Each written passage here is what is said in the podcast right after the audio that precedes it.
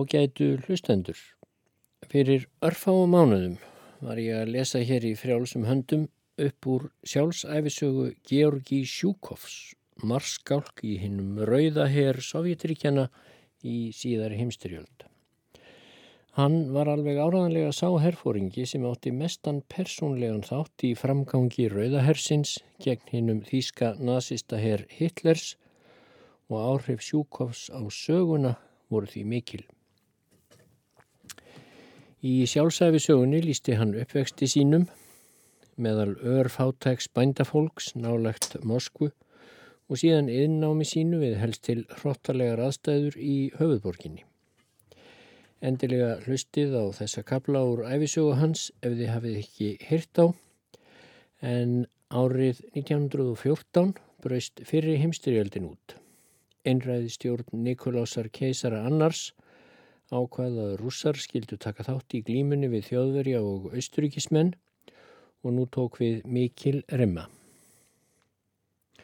Alþýðustrákurinn Georgi Sjúkov hafði lítinn áhuga á að fara í stríð.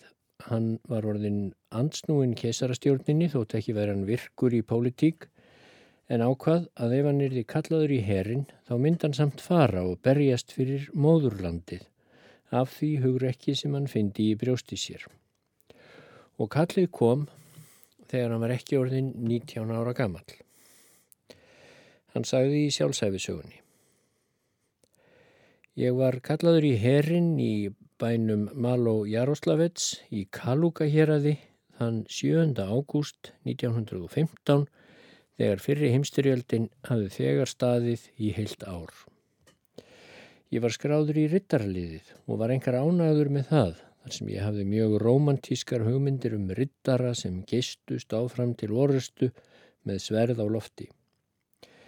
Malo Jaroslavets var skamt frá fæðingarþorpi mínu Strelkovka og réttur um um hundrað árum fyrr hafði verið að háð þar mjög mikilvæg orusta millir hinn að frönsku herja Napoleons annarsvegar og rússakeisara hinsvegar. Napoleon var þá að hefja undanhald sitt frá Moskvu sem er í rúmlega 100 km fjarlag frá Malo Jaroslavets og þótt rúsneska rittarliðið byði ósigur í þessari orustu komst megin hluti þess undan og Napoleon sannferðist endanlega um að honum myndi ekki takast að knésetja rúsneska herin í stórorustu. Nú var ég orðin hluti af þessu rittarliði, hvað sem leið anduð minni á keisarastjórninni. Flestir félaga minna höfðu verið skráðir í fótgönguliðið og margir þeirra öfunduðu mig af því að verða nú rittaraliði. En það leið á löngu áður en ég hatt farið að sveifla sverði á hestbæki. Viku eftir að nýliðar höfðu fengið brefum að mæta til herþjónustu, mættum við á herrkvæðningamiðstöðina sem okkur hafði verið útlötuð. Þar var okkur skipt upp í flokka og ég þurfti að hveðja félagana. Allt í kringum mig voru ókunnugir strákar, jafn grænir og óreindir og ég sjálfur. Þegar skikja tók var okkur smalað upp í lest sem stemdi svo til borgarinnar Kaluga. Ég fann fyrir nagandi einmannaleika.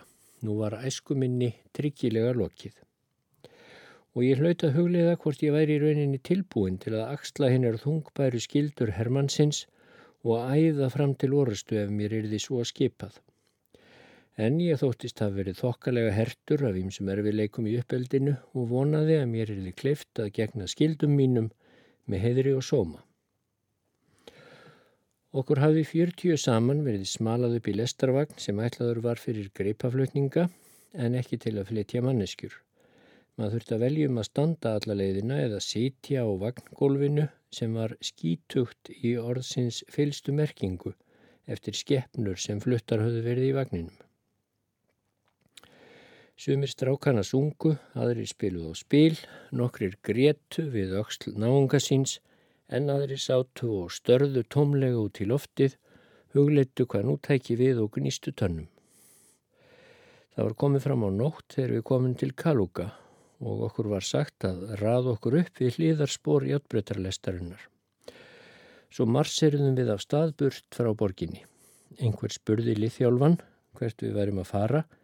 Lithjálfin var líklega vænst í náungi því hann svaraði vingjartlega á þessa leið Sko, stráka mínir, passið hérðan í frá að spyrja yfirmenn ykkar aldrei slíkrar spurningar.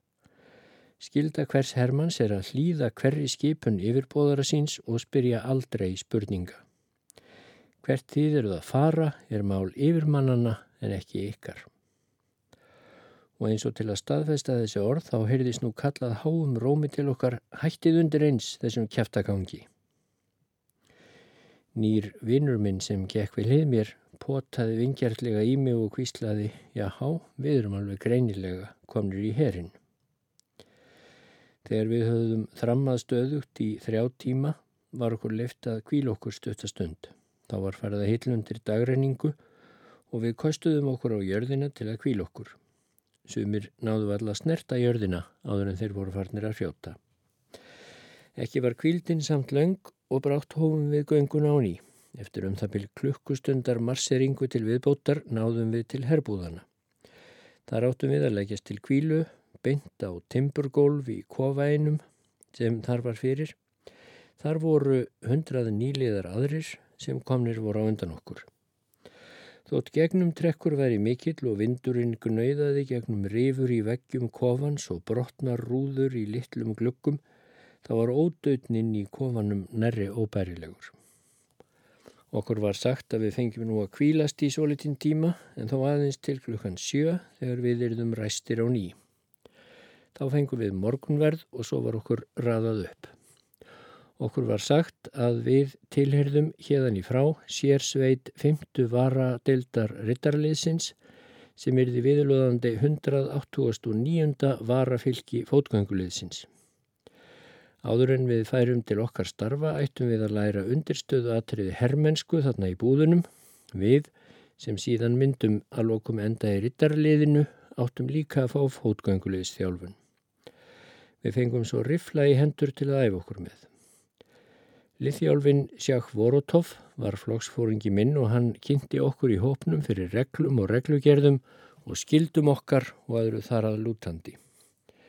Hann brindi fyrir okkur að dragast aldrei aftur úr við hergöngu eða aðra ræfingar nema við þyrtum alveg bráðunauðsynlega að ganga erinda náttúrunnar eins og hann orðaði það.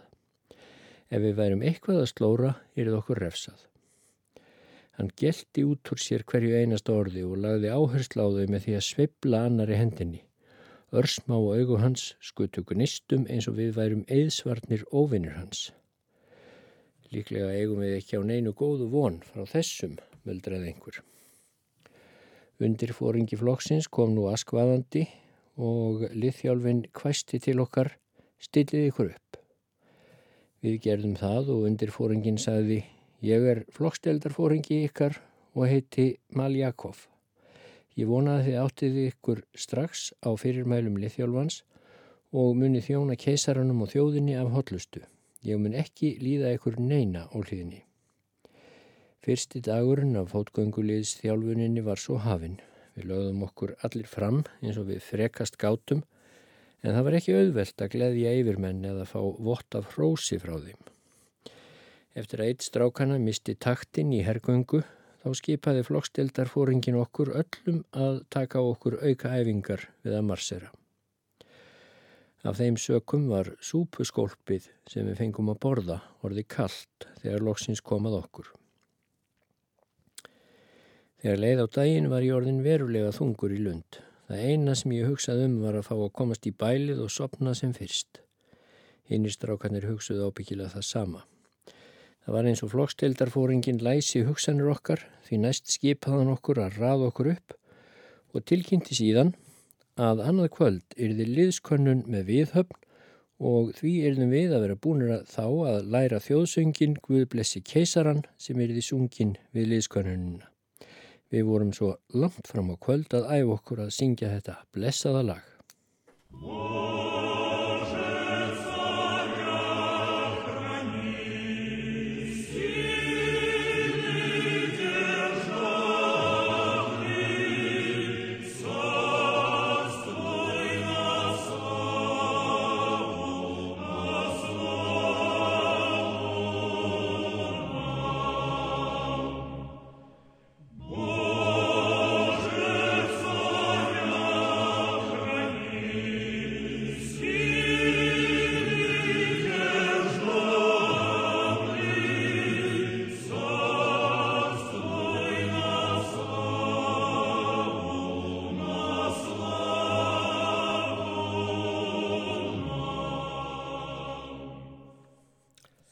Klukkan 6 næsta morgun vorum við ræstir á ný.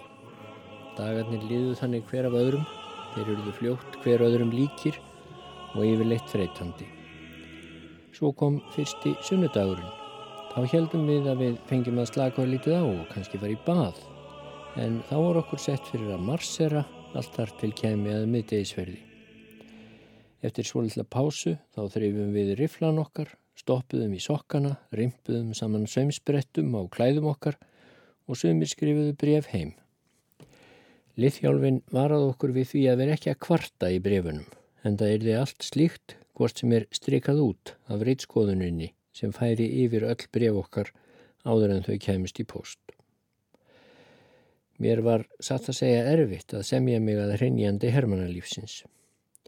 En fyrir flesta okkar hafði lífið áður svo sem ekki verið neitt leikur og eftir um það byrjum tvær vikur eða svo voru við flestir farnir að þóla þetta þokkalega.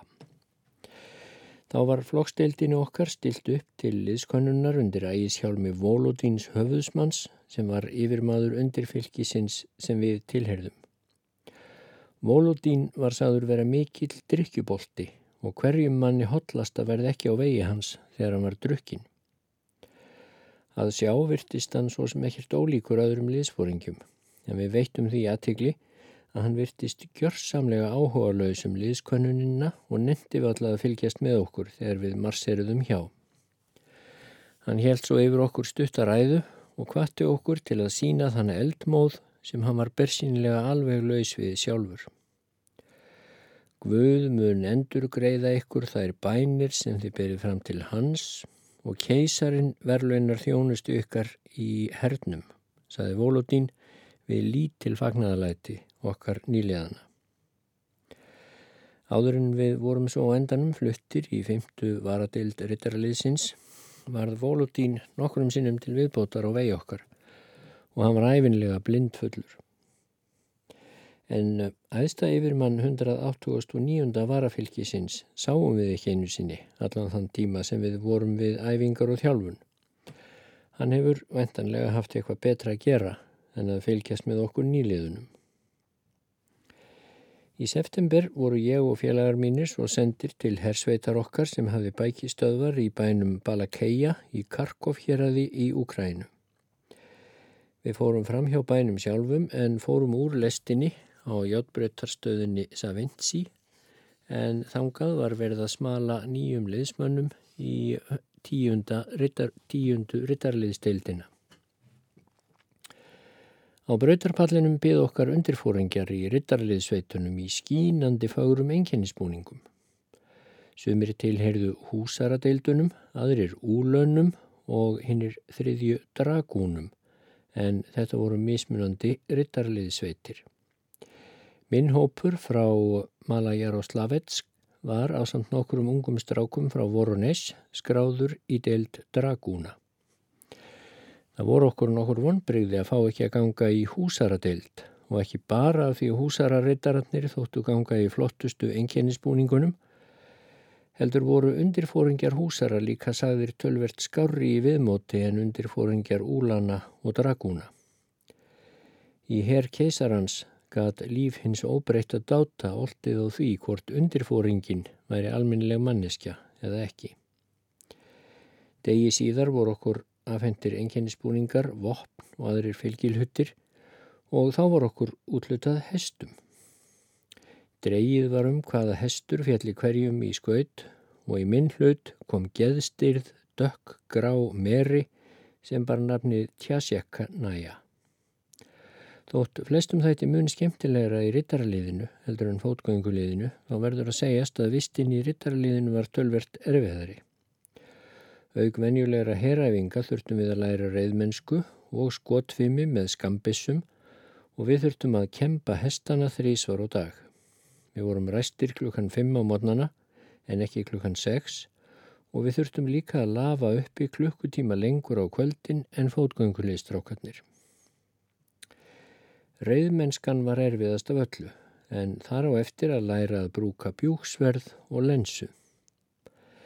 Margir eruðu fljótt allsettir skrámum, blöðrum og skeinum en það var bannað að kvarta. Okkur var beinlýnis skipað að glotta og býta á jakslinn ef eitthvað bjátaði á. Við gerðum okkar besta og lærðum að lokum að setja upp réttir í naknum. Flokksteildarfóringin minn þarna var undirfóringi sem Durakov hétt og þótt nafn hans þýði fíbl, þá var Durakov reyndar ljómandi klár og ekkert fremur kurtis í framgöngu. Annar helsti fóringi okkar var hins vegar algjör andstæða hans, Borodavko hétt hann. Undirfóringi eins og Durakov en dríendarlegu rutti í framkomu sem sló yðurlega til okkar algjörlega að ástæðu lausu. Þeir sem gamlir voru í hettunni sögðu okkur nýliðunum að hann hefði oftar en einu sinni barið tennur úr nýliðum sem hann taldi sig verið að síða til.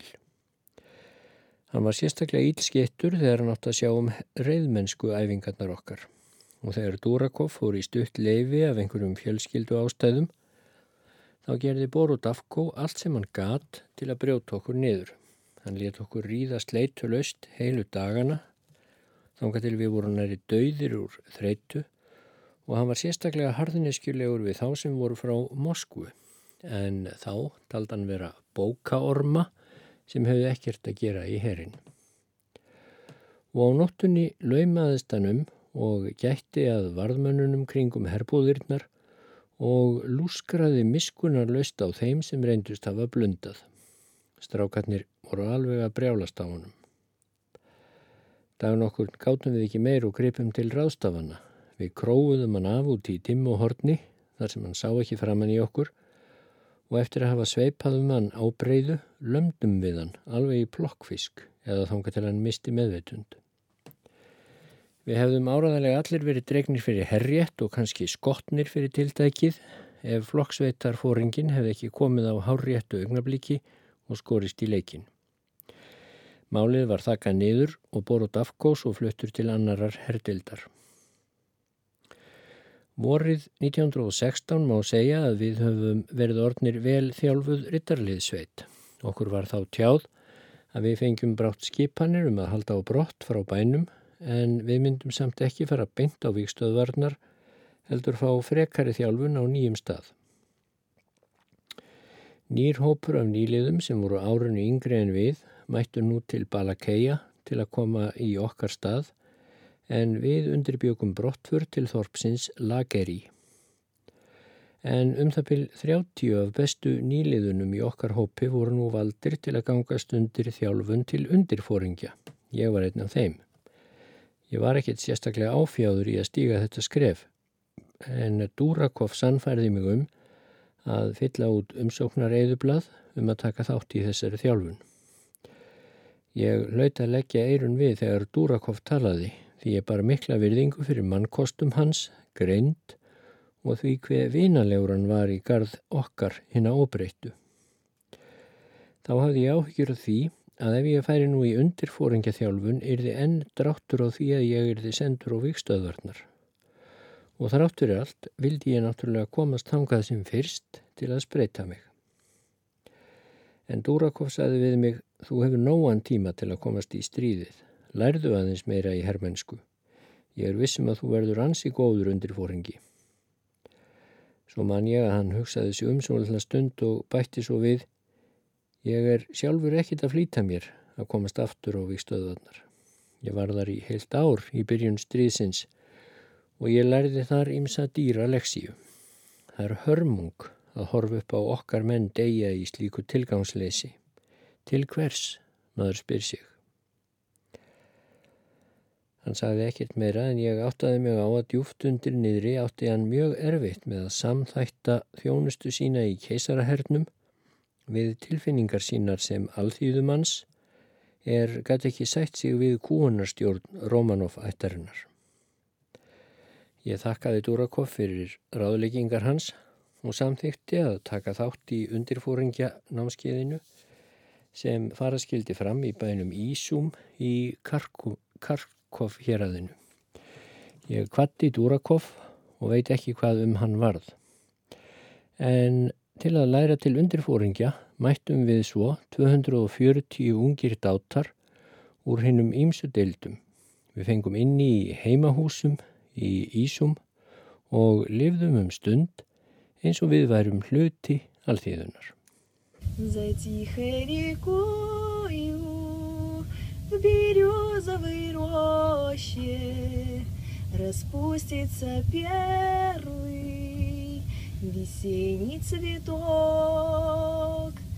И я загадаю желание попроще И перекрестившись взгляну на восток.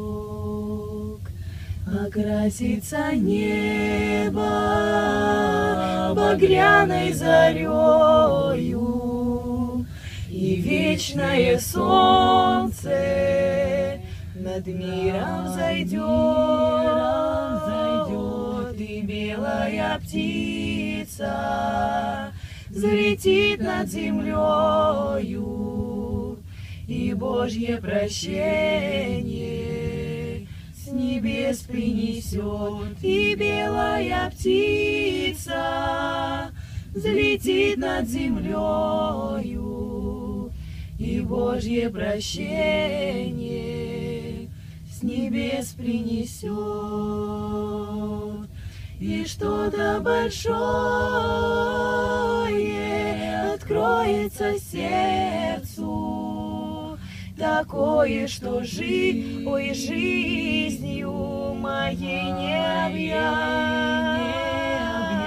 и станет спокойно, и сладко, как в детстве, когда обнимала меня моя мать, и станет спокойно, и сладко, как в детстве, когда обнимала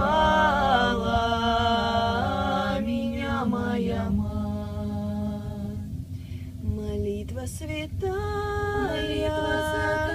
слезами прольется Христовой любовью, исполнится грусть, и в это мгновение душа прикоснется к великой вселенной. По имени Русь.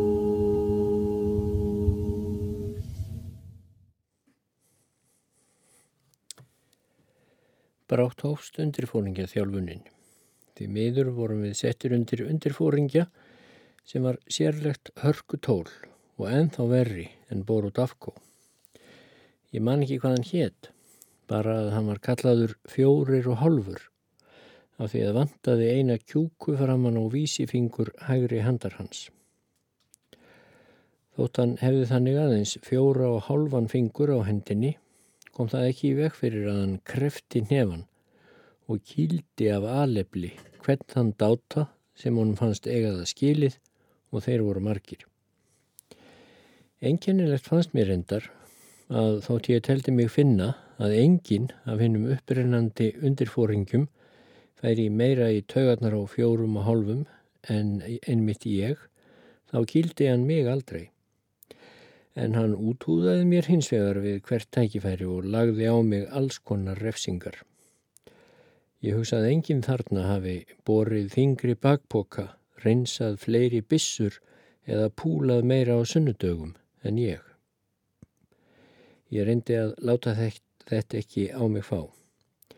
Ég vissi vel að allt stafaði þetta af pyrringi hjá þessum sérstaklega heimska og ónotalega mannvesalingi. En ég gætti mín mjög vandlega á því að hann fengi aldrei ástæðu til að setja neitt út á mig í bóklegum tímum. Hann sá líka fljótlega að hann myndi ekki geta brúði fyrir mig fæti á því sviði en það gekk mér betur í bóklegu greinunum en öllum hinnum strákunum á námskeiðinu.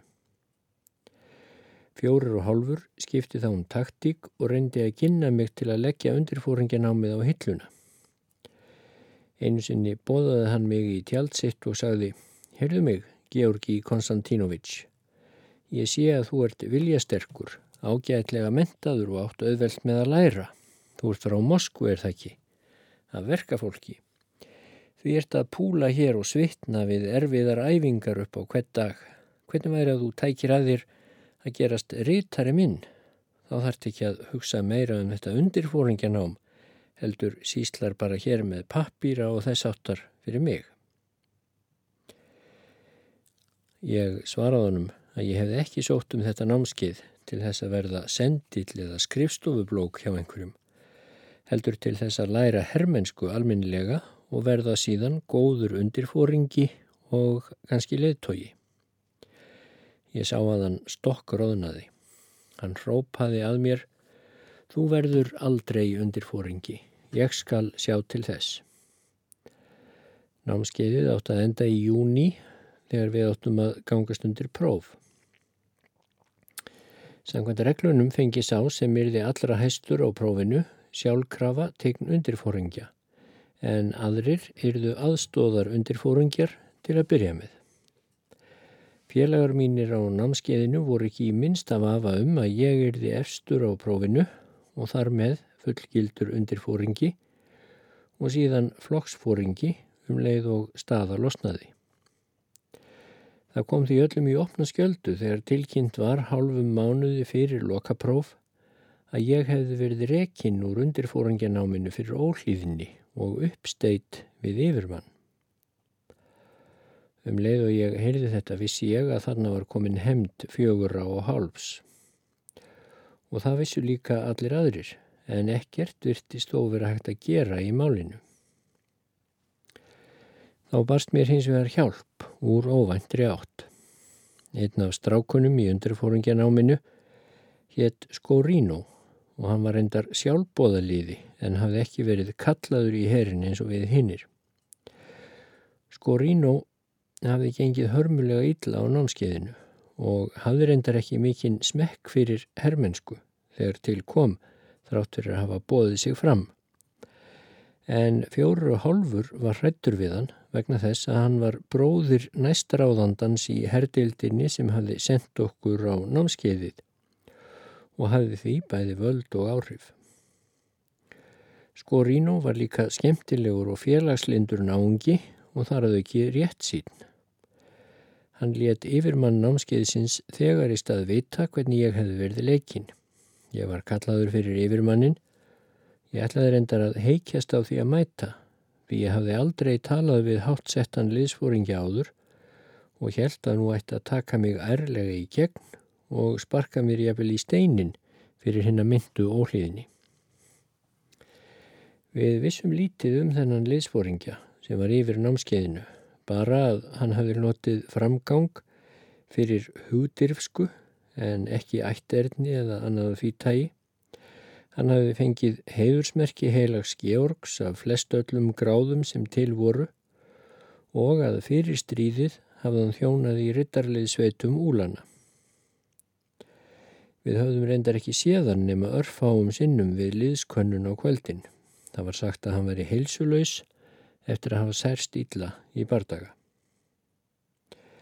Ég mannaði mig loks upp, mætti á staðinn og stóð mér til mikillar fyrðu, anspænis manni með góðulegt, já, beinlínis hlílegt augnaráð og af öllu andlitinu ljómandi vinsemt.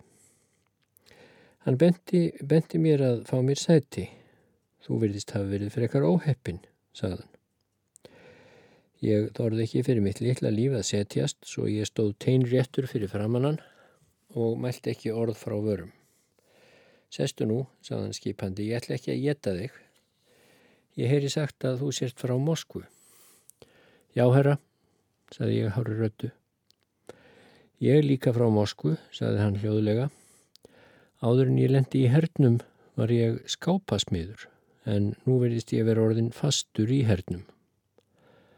Hann þagnaði um stund og helt svo áfram. Þú verðist komin með ansi vafasaman orðstýr. Mér er sagt að á fjórum mánuðum hafið þú náð að sópa saman hálri tilt af áminningum og að þú bölfir flokkstildar fóringja þínum í sand og ösku alltaf þegar hann herir ekki til. Er þetta satt? Já, herra, svaraði ég hrinskilinislega. En ég held mér sér alveg óhætt að segja að í mínum sporum hefðu aðrir gert það sama líka. Svo útskýrði ég þetta allt saman fyrir honum. Hann hlíti á mig og saði svo bara farðu í flokkstildina þína og kláraðu prófið þín. Ég var mjög ánaður með þessa niðurstöðu. En samt fór svo að ég náði ekki fyrsta sæti á prófinu, hvernig sem því vek við og fekk því ekki sjálfkrafa tegn undirfóringja. Ég er því greinilega að hafa aðeins meira fyrir því. Núna þegar ég rifja upp undirfóringjanámið í gamla keisarahernum þá verði ég að viðurkenna að þetta var að mörguleiti góð þjálfun, sérstaklega í öllu sem snerti marseringar og flutninga. Við sem útskrifuðumst vorum orðnir flinkir reyðmenn, kunnum vel að fara með vopn og stýra þjálfun. Það var ekki að furða að eftir byltinguna örðu margir undirfóringjar keisarahersins hátt settir í rauða byltingarhernum. Á hinbóin fengu undirfóringjaefnin í keisarahernum litla sem enga kennslu í mannlegum samskiptum. Undirfóringjanum var einfallega ætlað að móta óbreyttu hermennina þar til úr yrðu vélrænir robotar. Aga var náð með hörkun einni og engu öðru. Þótt reglugerðir hersins gerðu ekki ráð fyrir líkamlegum refsingum voru þær eigað síður algengar. Tengst milli óbreyttra hermanna og liðsfóringja voru alls engin. Og þetta allir því að tryggð hinna óbreyttu við silkihúfurnar á toppnum var miklu minni en ella hefði orðið. En hvað sem því líður, snemma í ágúst komu skipanir til herdeldarinnar að senda okkur undirfóringefnin í bardagasveitir á výlínunni. Við vorum 15 saman sem áttum að melda okkur hjá tíundur rittarliðsveitinni sem stóði í ströngu í bardögum um þær myndir. Ég var næst efstur á listanum og það kom mér ekkert á óvart fyrir ég vissi hver stóð á bakvið það. Þegar listin var lesin upp glotti fjórar og halfur óskaplega eins og hann vildi sín okkur að það veri hann sem hefði ráðið örlögum okkar og ætlaði nú að senda okkur að í skotgravirnar á vikstöðunum. Svo var haldinn sérstök kveðju veistla fyrir okkur og við vorum því næst sendir að pakka niður. Við auksluðum bakpókan okkar, rauðum okkur upp og fá einum klukkustundum síðar voru við komnur upp í lestina til Karkov. Lestarferðin tók langan tíma því við þurftum víða að stoppa og býða. Um þær myndir gekk fyrir að koma fótgöngulið sveitum sem skjótast á vývöldin. Sjúkralestir sem komu frá vikstöðunum gengur líka fyrir á brautarteinunum. Stundum lendum við á spjalli við særða hermenn sem voru leið frá orstuvöllunum og þeir gaf okkur margvíslegar upplýsingar. Við fréttum til dæmis að herir okkar veru ílla útbúnir, að hersöðingjarnir hefðu ílt orð á sér og að óbreyttir hermenn veru meirum minna allir sannfærður um að herfóringjaráðið og klíka aðstu yfirmannanna væru reyður svikara sem hefðu allir verið kiftir af þjóðverjum. Ekki vissum við hvað hæft var í því en þessar sögusagnir sögðu sína sögu um andan í hernum. Okkur var líka sagt að matur væri hræðilegur og af skortnum skamti. Ekkert af þessu var uppörfandi og þrúandi þögn lagðist yfir okkur. Við skiptum svo um lest í námynda við Kamenets Pótolsk. Með okkur voru húsarar sem áttu að fylla í skörð tíundu húsaradeildarinnar og um það byrj hundrað hross í okkar tíundu dragúnadeild á samt öllu tilherrandi voru líka í vagnunum. Við vorum nýbúnir að koma okkur fyrir í nýju lestinni þegar loftvarnarmerki var gefið.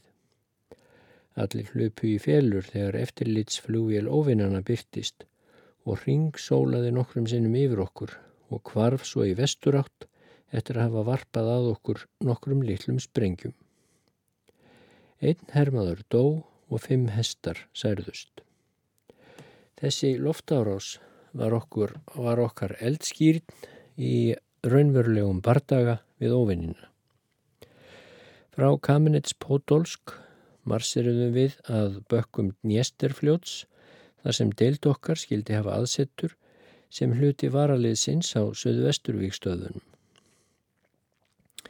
Þegar við mættum til leiks þar fréttum við að Rúmenía hefði líst yfir stríði gegn Þýskalandi 27. ágúst og myndi berjast við hlýðrúsa gegn þjóðverjum og austuríkismönnum.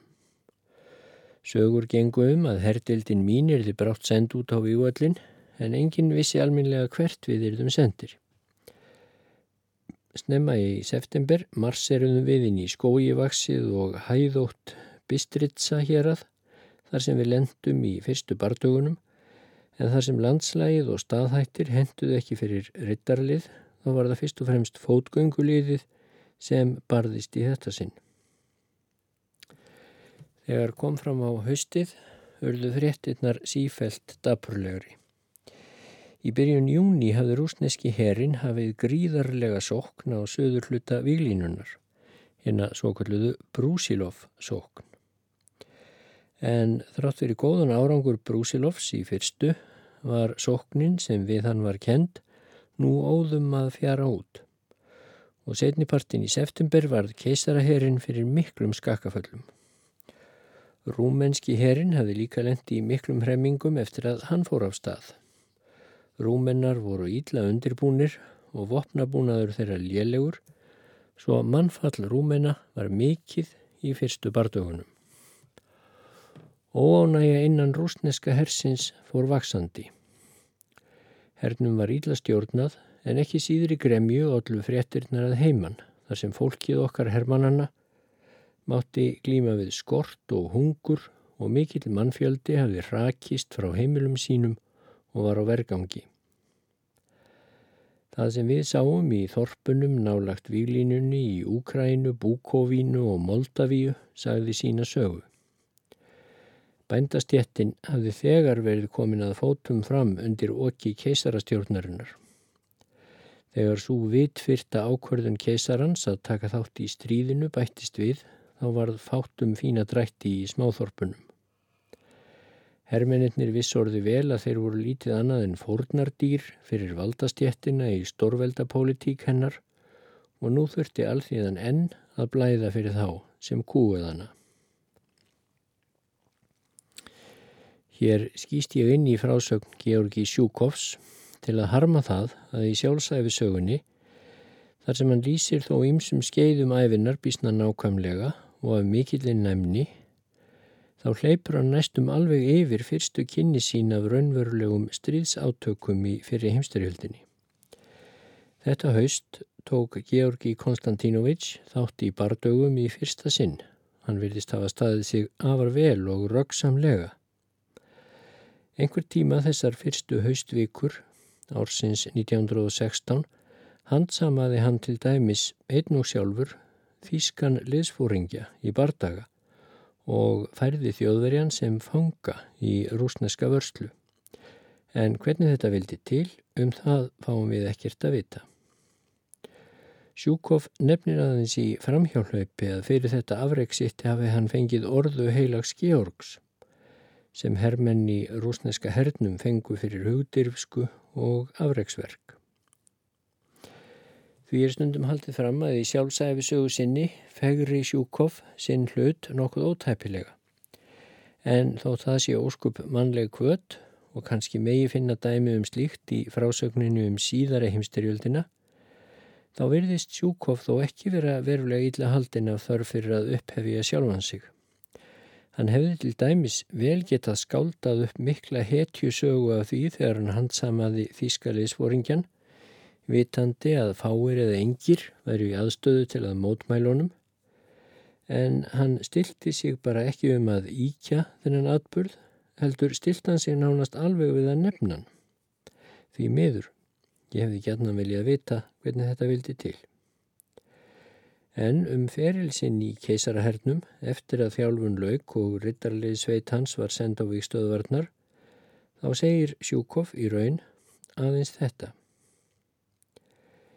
Í oktober 1916 var ég fyrir Róláni þegar ég var í eftirlitsferð nálagt výlínjunni sprakk jarðsprengja undir okkur og tveir félaga minna særðust alvarlega og ég kastaðist af hestinum og rotaðist. Þegar ég rangaði við mér sólaring síðar hafði ég verið fluttur á hersjúkrahús. Vegna þess að ég var enn vangaður eftir sprenginguna var ég fluttur til Karkov þar sem ég var látin líka á sjúkrahúsi. Þegar ég fór þaðan var ég enn veiklaður og heyrnin skert. Það lagaðist þó að lokum. Sjúkraliðarnir sendu mig svo til bardagasveitar í Lageri þar sem mín upprunlega hersveit hafi verið síðan um vorið. Ég var hæst ánaður með það. Ég hafði farið frá hersveitinni sem ungur og breyttur dáti.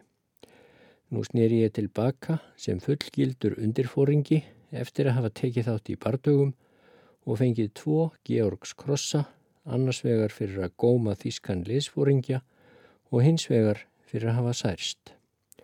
Og ég held um þetta leiti upp á tvítugsamælið þótt ekki væri það með mikill í viðhöfn.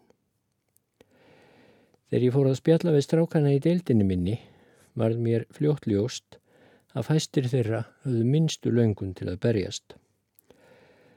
Þeir hugsuðu bara um að komast heim í þorpin sín og búa þar í friði Undir árslokk 1916 heyrðum við sífelt fleiri fréttir um verkföll og mótmæli verkamanna í Sankti Pétursborg, Moskvu og víðar. Margir hópar höfðu skoruð upp herur gegn keisarastjórninni og heimtuðu frið, frelsi og jarðanæði fyrir verkafólk. Og hermeninnir lístu æskýrar yfir vilja til að leggja niður vopn. Það er umræður úr að vísu enþá aðligi leinum en voru sífælt að brjótast nær yfir borðinu. Þótt ég veri nú orðin undirfóringi þá treystu og breyttu hermeninnir mér og við rættum oft alvarlega mál. Þetta var ég enþá halgerður græningi pólitíst en ég vissi að alþýðan myndi aldrei græða neitt á þessu stríði, heldur aðeins yfir stjettin og burgeisarnir. Ég fór ekkert í félur með þessar skoðanir mínar og það átti eftir að skila sér. Í dögun þann 27. februar 1917 var herdildin okkar enn í lagari. Og þá var hún ræst út og okkur sagt að hafa okkur til, brottför veri yfirvofandi. Við stiltum okkur upp við bækistöð herdeldarfóringjans sem var höfðusmaður og barón sem bar hefði þýskanapn von der Goltz. Engin vissi hvað var á segði. Ég ávarpaði flokksteldarfóringjan, kýfski liðsfóringja. Herra, hvert er verið að senda okkur? Hann spurði á móti, já hvert heldur þú að það ég að senda ykkur? Ég svaraði að það væri lámark að segja mönnunum hvert við ættum að fara. Við höfum verið látnir hlaða bissur okkar og það væri því greinilega allt eins búist við bardaga, jábel fyrirvara lítið. Já, skotfærin getur komið sér vel, sagði Kívetski aðeins. Þá byrtist Fonder Golds sjálfur.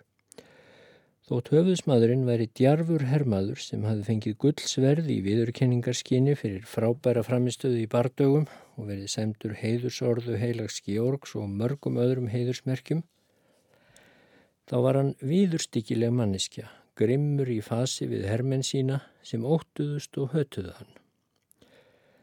Hann heilsaði herdildinu og raðaði svo ritturunum upp þannig að þrýr voru samsíða og svo stemdum við að bækistöðum femta varadeildar rittarleysins sem voru í Balakeia. Þar sáum við nokkrar herdeildir dragúna og húsara. Þær höfðu raðað sér upp á síningarvöllin. Við komum okkur fyrir þar líka. Fleiri rittarasveitir bættust við. Við vorum ennþá engur nærum hvað væri að gerast. En það rann nú brátt upp fyrir okkur. Allt í einu byrtist mótmælaganga við húshorn á einni göttunni sem lág út á síningarvöllin. Fólkið bar rauða fána og kröfuspjöld. Hersveitar fóringi okkar knúði hest sinn sporum og hann og hinnir hersveitar fóringjarnir riðu upp að byggingunni þar sem yfirmenn hersins hafði haldið til. Mótmælagangan hafði staðanæmst þar og út úr húsinu komu nokkri liðsfóringjar og fulltrúar verkamanna og alþýðu fólks. Þeir höfðu verið á fundi inni í húsinu. Hávaksinn rittarliðsfóringi ávarpaði nú hermenina. Þrumandi röttu tilkynnti hann að verkalýðurinn, bændur og hermenn stittu nú ekki lengur Nikolás keisara annan nýja kúunar stjórn hans. Rústnesk alþýða, rópaðan, vildi binda endi á slátrun heimsvaldastriðsins, fólkið vildi frið, land og frelsi. Svo lauk hann stuttir í ræðu sinni með því að rópa niður með keisaran og niður með stríðið. Lengi lifi fríður millir þjóðana, lengi lifi ráð verkamanna og hermanna, lengi lifi sovjetin, hurra, keisarin er fallin.